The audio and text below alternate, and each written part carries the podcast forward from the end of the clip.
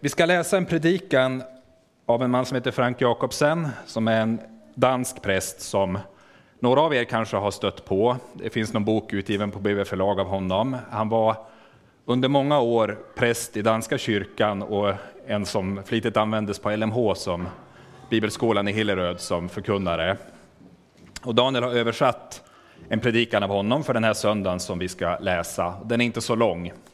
Eh, i Dan danska kyrkan är det så att den här söndagen har temat ordet. I, I, svenska kyrkan så har den, eller hos oss har den egentligen temat samhällsansvar. Och vi kommer göra så att vi läser texterna som hör till kyrkoåret enligt den svenska ordningen, men när vi kommer till, text, eller till predikan så läser vi den text som Jakobsen predikar över och som då har temat ordet. Upplyft era hjärtan till Gud och hör dagens heliga evangelium skriver evangelisten Matteus, det tolfte kapitlet. Många följde Jesus och han botade dem alla. Han förbjöd dem strängt att avslöja vem han var, för att det skulle uppfyllas som var sagt genom profeten Jesaja. Se min tjänare som jag utvalt, min älskade som min själ gläder sig över. Jag ska sända min ande över honom och han ska förkunna rätten för folken. Han ska inte gräla eller ropa, ingen ska höra hans röst på gatorna. Ett brutet strå ska han inte krossa, en rykande veke ska han inte släcka, fram till det att han har fört rätten till seger. Och till hans namn ska folken sätta sitt hopp. Så lyder det heliga evangeliet. Lovad vara du, Kristus. Nåd vare med er och frid från Gud vår Far och Herren Jesus Kristus. Vi reser oss och lyssnar även till Johannes 4, 46-53, som blir dagens predikotext. Jesus kom tillbaka till Kana i Galileen, där han hade gjort vattnet till vin. En kunglig ämbetsman hade en son som låg sjuk i Kapernaum. När han fick höra att Jesus hade kommit från Judeen till Galileen gick han till honom och bad att han skulle komma ner och bota hans son som var döende. Jesus sa till honom, om ni inte får se tecken och under tror ni inte. Ämbetsmannen sa, Herre kom innan mitt barn dör. Jesus svarade, gå, din son lever. Då trodde mannen det ord som Jesus sa till honom och gick. Medan han ännu var på väg möttes han av sina tjänare som berättade att hans son levde. Han frågade vid vilken tid han hade blivit bättre och det svarade Igår vid sjunde timmen släppte febern. Då förstod fadern att det hade hänt vid just den tid då Jesus sa till honom Din son lever och han kom till tro med hela sin familj. Så lyder det heliga evangeliet. Lovad vare du, Kristus. Vi ber. Ja, herre, vi tackar dig för att ditt ord är den klara lyktan som vi hörde om i sången. Tack för att det lyser oss i öknens dunkla snår och för att det lyser upp våra kalla, mörka hjärtan. Nu ber vi att du med din heliga Ande vill komma och göra det idag. Herre, du vet att i, hos oss är det mörkt och det är fattigt och det är tomt. Men vi tackar dig för att du kommer med ditt ljus. Vill du göra din gärning i våra hjärtan? Vill du tända tron på Jesus i våra hjärtan? Kalla på oss och dra oss till dig och visa oss idag på evangeliets ord att det gäller för oss, för mig. Nu ber vi att du vill välsigna oss när vi läser den här predikan och lyssnar till det som du vill räcka oss genom den här predikan. I Jesu namn. Amen. Då läser jag den här ganska korta predikan av Frank Jakobsen. Dagens text är en av de berättelser som förmodligen har betytt mest för mig. Jag finner gång på gång en underbar vila i att sitta och betrakta den. Och det är alltid samma sak jag fastnar för. Det är alltid samma sak som fångar mitt öga och ger frid i mitt hjärta. Nämligen att mannen i berättelsen inte fick något annat än ett ord av Jesus. Mannen kom till Jesus i en mycket svår situation. Det gällde döden. Herre, kom, för min lille son håller på att dö. Det var en tidsfråga. Det var bråttom. Han behövde hjälp nu. Det var som om mannen sa, Herre, ge mig livet nu, nu. Men Jesus gav honom bara ord. Din son lever. Jesus gav honom ett löftesord. Och med detta ord fick mannen vad han bad om. Med detta ord fick han det liv som han bad om. Med detta ord vann han seger över döden. Med detta ord fick han nu det som han hade bett om att få nu. Det ser vi senare. När mannen dagen därpå mötte sina tjänare berättade de för honom att det hade hänt en avgörande sak med pojken. När hade det hänt? Just i det ögonblick som Jesus hade gett mannen ordet. Det kunde förstås inte mannen se just då, men han trodde löftesordet. När jag läser berättelsen kan jag inte låta bli att tänka på mannens hemresa med dessa ord. Det måste ha växlat mellan tro och tvivel. Han hade ju inget annat att hålla sig till än löftet. Han hade inget annat att se på som gav hopp. Med honom själv hade ju ingenting hänt.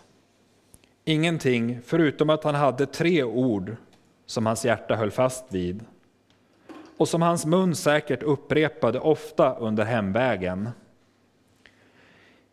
Inte heller hade han blivit tillsagd att gå hem och sätta in några kraftfulla medicinska insatser mot döden. Han hade bara fått tre ord. Din son lever. Var det tillräckligt? Skulle de visa sig sanna? Hade han verkligen vunnit seger över döden genom de tre orden? Betydde dessa tre små orden liv för hans lille son? Tre ord. Naturligtvis var han oerhört lycklig de stunder som han i hjärtat kände sig viss på att orden var sanna. Men jag tänker lika ofta på hur han klamrade sig fast vid orden när han i längtan efter att få se sin son vara levande drabbades av tvivel. Men hur det än varierade i mannens inre så står det klart, Jesu ord förändrade allt. Jesu ord alena. Uteslutande genom Jesu ord förvandlades döden till liv. Uteslutande genom Jesu ord hade mannen segern över döden med sig hem. Att jag så ofta fångas av berättelsen beror på att vi här har den vackraste bilden av en kristens villkor under livsvandringen. Precis så här framställer Paulus trons liv i Romarbrevet 10. Där talar han först om den tro som judarna hade. Det var en tro som höll sig till egen rättfärdighet, alltså vad de såg hos sig själva och vad de själva gjorde. Den sortens tro försöker som Paulus skriver, nå upp till himlen för att hämta ner Kristus. Eller ner i avgrunden för att hämta upp Kristus från de döda. Men den kristna tron säger istället, ordet är nära dig, i din mun och i ditt hjärta, nämligen trons ord som vi predikar. Det är på det sättet man är kristen, det är så man lever det sanna livet i tron. Det är inte en hög upplevelse med vars hjälp man hämtar ner Kristus från himlen. Det är inte heller en djup innerlighet med vars hjälp man gör Kristus levande. Nej, en kristen håller sig med mun och hjärta till Herrens ord. Bara till löftesordet. Och ändå äger man i det hela Guds frälsning och härlighet i Kristus. Säg mig, har du lärt känna den sortens tro? Om du har det så vet jag att du också kommer bli tacksam för att, för att få påminnas om den igen. För du upplever stunder då du tänker, är det verkligen tillräckligt att bara ha ordet? Vågar jag nöja mig med ett löfte? Ska jag inte vara och göra någonting själv? Kristus är ju så långt borta, borde jag inte stiga upp till himlen i andens hänryckning för att liksom hämta ner honom? Eller måste inte jag vara lite mer innerlig så att Kristus blir levande? Du kan uppleva stunder av tvivel då du måste kämpa mot döden och rädslan för döden. Rädslan för att förlora tron. Rädslan för att bedra dig själv. De mörka stunderna när du säger Herre kom och hjälp mig nu. Det känns så lite med bara ett ord. Och ändå är det precis vad Herren vill att du ska hålla dig till. Han ser inte efter det höga, efter människor som har höga upplevelser, som inte är hans eviga härlighet. Hans ögon dras inte heller till dem som är innerliga, om deras innerlighet bara gäller känslor och fantasier. Men Herren ser från det höga till dem som söker sig till det ord som han har sänt oss.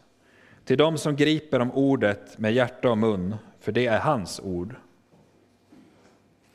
Tänk vad mycket onödig oro och anfäktelse och villfarelse vi hade kunnat slippa om vi bara hade hållit oss till ordet och låtit det som Herren sagt vara nog.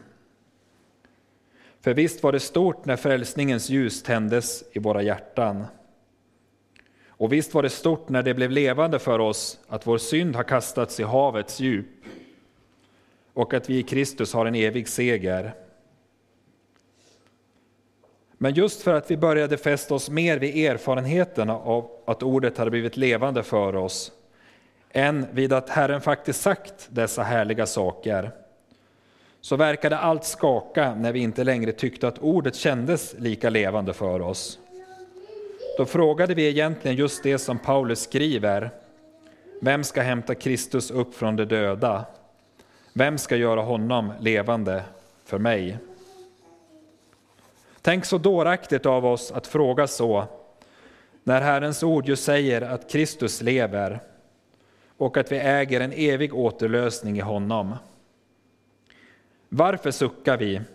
Herrens ord säger ju samma sak nu som då. Och så länge ditt hjärta och din mun griper om Herrens ord, där Herrens eget ord är nära i hjärta och mun, där äger du vad det säger. Där vandrar du i tro, vare sig det är i ljus eller mörker, i visshet eller tvivel. Se på mannen som gick med de tre orden i hjärta och mun, din son lever. Vilken rikedom, vilken orubblig seger hade han inte i de orden. Ja, det måste som sagt ha varit härliga stunder när han var viss om att orden gällde. Men när tvivlet kom och gjorde allt mörkt och osäkert för hans tro, så att han blev tvungen att klamra sig ännu hårdare fast vid ordet, minskade då hans, hans rikedom och seger. Nej, ordet var ett och detsamma. Därför blev inte segern mindre. Det var löftesordet i sig som var avgörande. Det bar välsignelsen. De stunder som han var i tvivel fanns det säkert många andra människor som var lyckligare än han. Men han var den rikaste eftersom han hade Herrens ord med sig i hjärta och mun. Och det var en som följde honom hela resan och gladdes över honom. Herren såg denna lille man klamra sig fast vid ordet från Guds mun. Jag sa att det alltid är samma sak som jag fäster mig vid i den här berättelsen, och så är det. Jag fäster mig vid alltid vid att mannen, mannen vandrade med Herrens löftesord utan något synligt att fästa blicken vid. Jag fäster mig alltid vid att mannen vandrade med Herrens löftesord utan något synligt bevis att fästa blicken vid. Men den här gången kastade berättelsen ljus över ytterligare en sak. De många löftesorden som vi har från Herrens mun i skriften. Ord som gäller när våra vägar går genom strömmar och eld och när de djupa vatten tycks sluta sig över oss. Den här mannen gick verkligen genom djupa vatten. Han hade inte sett annat än döden. Han hade inte sett annat än att döden var på väg att ta ifrån honom en som han älskade. Men nu gick han alltså genom dessa djupa vatten med Herrens ord. Och vad upplevde han vid vägens slut? Att den Herre som gett honom ordet själv hade gått före och förberett så att mannen en dag skulle få möta löftesordet uppfyllt. Därför är Herrens ord fullt av löftesord såsom dessa. Frukta inte, ty jag är med dig. Var inte förskräckt, ty jag är din Gud och jag är med dig alla dagar. Och jag ska aldrig lämna dig eller överge dig. Till dessa ord kan vi hålla oss i det djupaste mörkret. För Herren har gått före dig för att uppfylla varje löfte, så att vi vid vägens slut ska se att det blev som det var lovat. Herren var före oss och banade vår väg. Amen. Lovad vare Gud och välsignad i evighet, som med sitt ord tröstar, lär, förmanar och varnar oss. Helige Ande, skriv ordet i våra hjärtan, så att vi inte blir glömska hörare, utan varje dag växer till i tro, hopp, kärlek och tålamod, intill tidens slut. Och så blir saliga genom Jesus Kristus, vår Herre. Amen.